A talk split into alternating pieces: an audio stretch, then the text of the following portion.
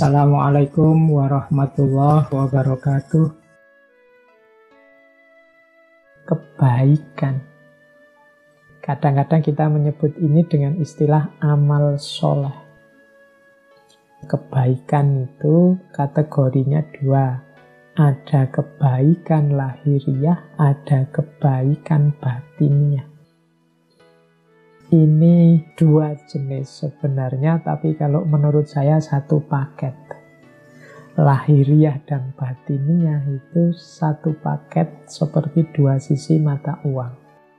Amal soleh kita yang lahiriah itu tidak bernilai kalau tidak diiringi oleh batin yang juga soleh. Sebaliknya, batin yang soleh itu tidak ada artinya kalau tidak ada manifestasi lahiriahnya. Misalnya, sodakoh itu kan lahiriah, membantu orang lain. Tapi kalau batinnya tidak ikut mewarnai misalnya dengan ikhlas, tanpa pamrih, maka sodakoh tadi nilainya jatuh. Mungkin jadinya hanya untuk riak, mungkin jadinya sumber kesombongan karena kehilangan aspek batinnya yaitu ikhlas. Itu contoh bagaimana lahiriah tergantung batinnya atau batinnya. Apa wis batinnya misalnya Pak saya itu orang yang dermawan loh Pak. Itu batin yang baik kan. Tapi batinmu yang baik yang kamu klaim sebagai dermawan itu tidak ada gunanya kalau tidak ada bukti bahwa kamu suka berbagi dengan orang lain secara lahiriah. Pak saya itu muslim yang baik loh pak, sayang dengan saudara. Oh itu kan kualitas batin. Tapi kualitas batin ini kan nanti pasti kelihatan di level lahiriahnya. Kalau engkau memang penyayang dengan saudaramu, engkau muslim yang baik, yang menjaga ukhuwah misalnya, keluarnya pasti tidak mungkin isinya caci maki, tidak mungkin isinya fitnah, tidak mungkin isinya saling mencari kesalahan. Nah ini batiniah yang termanifestasikan dalam lahiriah. Makanya saya sebut meskipun dua jenis yang berbeda, amal soleh yang lahiriah dan batiniah, tapi ini seperti dua sisi mata uang yang saling menyempurnakan. Kan sering saya ilustrasikan seperti teman-teman kalau sedang jatuh cinta itu loh. Batinnya cinta. Cuma kan orang akan menganggap omong kosong kalau katanya cinta tapi WA tidak pernah dibales. Katanya cinta yang sana sakit kok tidak jenguk. Itu kan lahiriahnya menentukan juga. Atau sering WA-an, sering apel, sering nganter ke mana-mana, neraktir, tapi di batinnya tidak ada cinta sebenarnya. Itu juga kan sia-sia. Nah, jadi lahiriah dan batiniah itu satu paket lengkap dalam konstruksi amal kebaikan. Nanti ini di level muhasabah untuk kebaikan-kebaikan yang kita lakukan sudah utuh dan sempurna apa belum. Amal-amalku yang lahiriah ini sudah didukung oleh sikap batin yang benar apa belum. Ketika aku mengajar misalnya mungkin di antara teman-teman ada yang ustadz atau guru atau dosen di kampus, ini batinku isinya apa? Apakah mengajar yang mulia itu ternyata batinku bunyinya adalah ini hanya sekedar mencari uang, ini hanya profesi, ini hanya kewajiban kalau bisa ya tidak seperti ini. Nah, ini akan menentukan kualitas apakah ngajar kita itu memang benar-benar mulia atau tidak. Ya, jadi itu yang pertama. Jadi amal soleh, mari kita muhasabai. Ini sudah lengkap lahir batinnya apa belum? Yang kedua, ketika kita melakukan amal kebaikan, ada banyak variabelnya. Salah satu variabel kurang, maka berkurang juga kesolehan atau kebaikannya. Di catatan saya ada tujuh variabel. Semoga tidak ada yang komentar, wah berarti amal baik itu berat ya Pak. Enggak, ringan. Asal kita mau saja kita sudah bisa sebenarnya. Hanya saja kadang-kadang memang banyak blokernya, banyak yang menghalangi kita ke sana. Jadi yang pertama amal baik itu ditentukan niatnya. Kalau niat ini jelas ya, saya tidak perlu menjelaskan. Niatnya jelek ya akan merusak semua amal. Faman karena hijratuhu kalau di hadis itu kan ila imroatin yang kikuhab untuk mungkin niatnya biar dapat pasangan perempuan atau niatnya dunia yusi buha supaya dapat dunia dapat banyak harta atau dapat dan bukan karena Allah, ya nanti hanya itu yang dia dapat. Jadi niat menentukan hasil. Tapi jangan berhenti di niat yang baik saja. Butuh selanjutnya kaifiat. Kaifiat itu caranya. Tidak cukup niat baik, butuh juga cara yang baik. Niatnya membantu, aktivitasnya sodakoh, tapi caranya sambil menyakiti. Kalau bahasanya Al-Quran, sodakotin yat ba'uha adha. Sodakoh yang sambil menyakiti, mungkin sambil menyebut yang disodakoi dasar orang miskin. Kalau tidak karena saya dan seterusnya, itu kaifiatnya salah, maka rusak kesolehan. Jadi niatnya harus baik, caranya harus baik. Membasmi kemaksiatan oke, okay, menghalangi kemungkaran oke, okay, tapi kaifiatnya harus baik. Kalau tidak, tidak akan lahir amal soleh. Yang ketiga dan keempat, akhlak dan adab.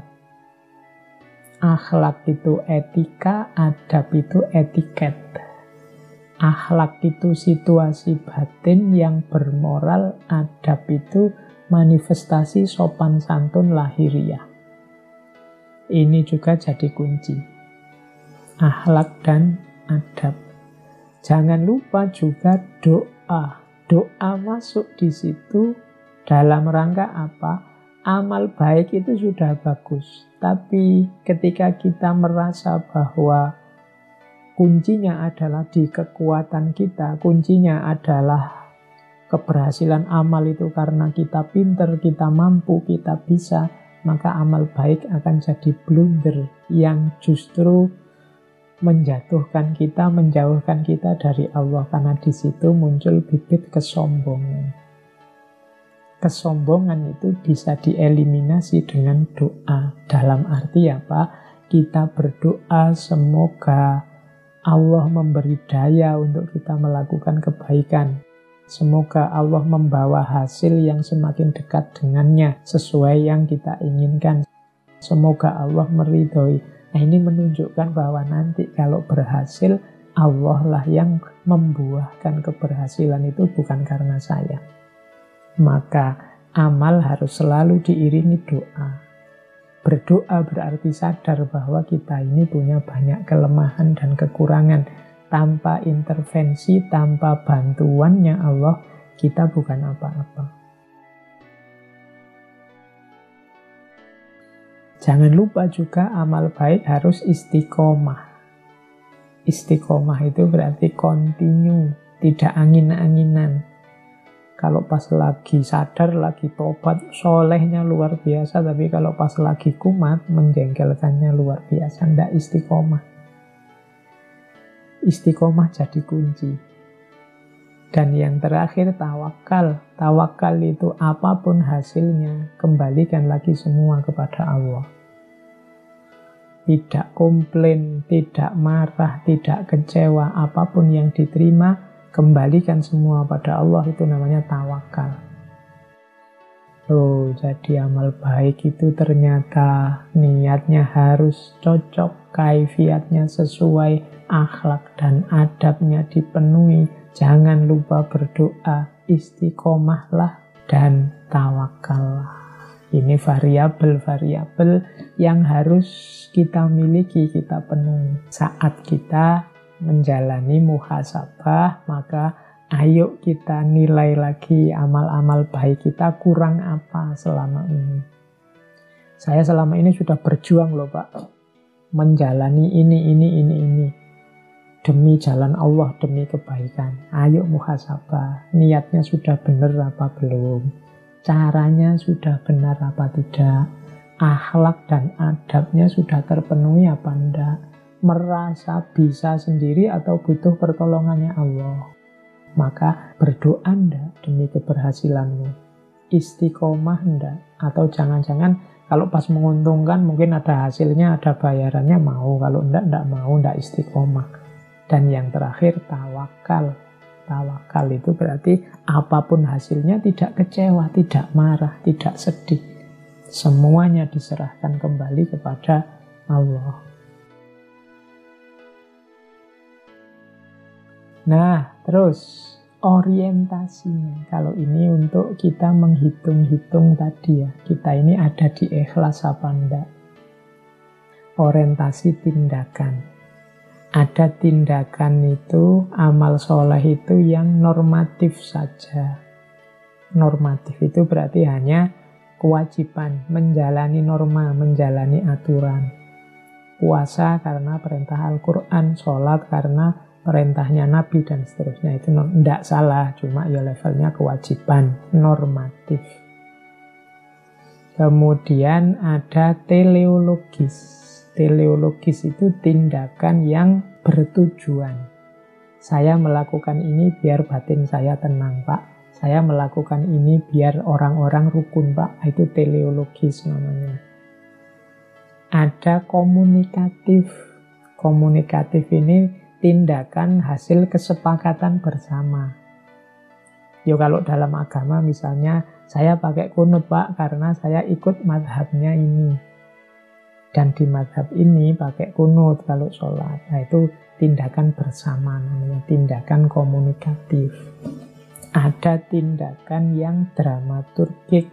Dramaturgik itu tindakan yang sifatnya ingin membangun citra. Makanya istilahnya drama.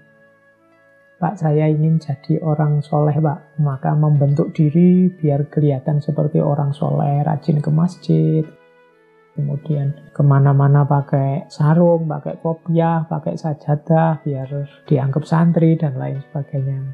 Itu dramaturgi. Tidak salah, apalagi isinya baik-baik. Bukan pencitraan yang palsu, karena kadang-kadang diawali dari tidak ikhlas atau diawali dari pamrih-pamrih, tapi nanti akhirnya ketemu dengan ikhlas. Yang terakhir adalah ketulusan. Tidak lagi drama, tapi memang lillahi ta'ala. Jadi mari, kalau kita melakukan amal baik, ini hanya karena tuntutan norma-norma, aturan kewajiban, atau ada tujuan-tujuan khusus, atau komunikatif, ini hasil kesepakatan bersama, atau dramaturgik, atau ketulusan. Nah, terus di antara yang harus kita muhasabai adalah apakah kebaikan yang kita lakukan itu sudah urut tertib yang penting didahulukan, yang primer didahulukan, yang sekunder ya nomor dua, yang tersier ya nomor tiga. Kadang-kadang kita itu sering ngurusi yang tidak penting-penting, yang penting malah kelewatan kayak mahasiswa ikut diskusi di mana-mana, webinar di mana-mana ikut akhirnya skripsinya tidak jadi-jadi. Nah itu kebalik. Jadi harusnya yang doruri ya dia fokus ngerjain skripsinya dulu yang serius, yang wajib, baru yang sunnah, baru yang mubah. Nah ini yang sering jadi masalah. Jadi urutan amal mana yang didahulukan, mana yang tidak. Kalau dalam bahasanya Al-Quran ada rumus mudah. Ku anfusakum wa ahlikum nar. Jadi yang pertama dirimu sendiri. Jangan kesusu ingin memperbaiki orang. Tapi fokuskan dulu dirimu. Kalau sudah berupaya untuk dirimu boleh membantu orang lain. Doruri itu yang paling darurat, yang wajib haji itu yang harus ada demi yang doruri terpenuhi, tahsini itu yang sifatnya komplementer saja, pelengkap saja. Doruri itu menutup aurat, haji itu kainnya, tahsini itu bentuknya. Boleh sarung, boleh celana, itu kalau di usul fikih. Tapi kalau dalam amal perbuatan, ya mana yang harus kita dulukan. Saya kira itu teman-teman, kurang lebihnya mohon maaf. Saya akhiri sekian. Wallahul muwafiq, wallahu a'lam bisawab. Wassalamualaikum warahmatullahi wabarakatuh.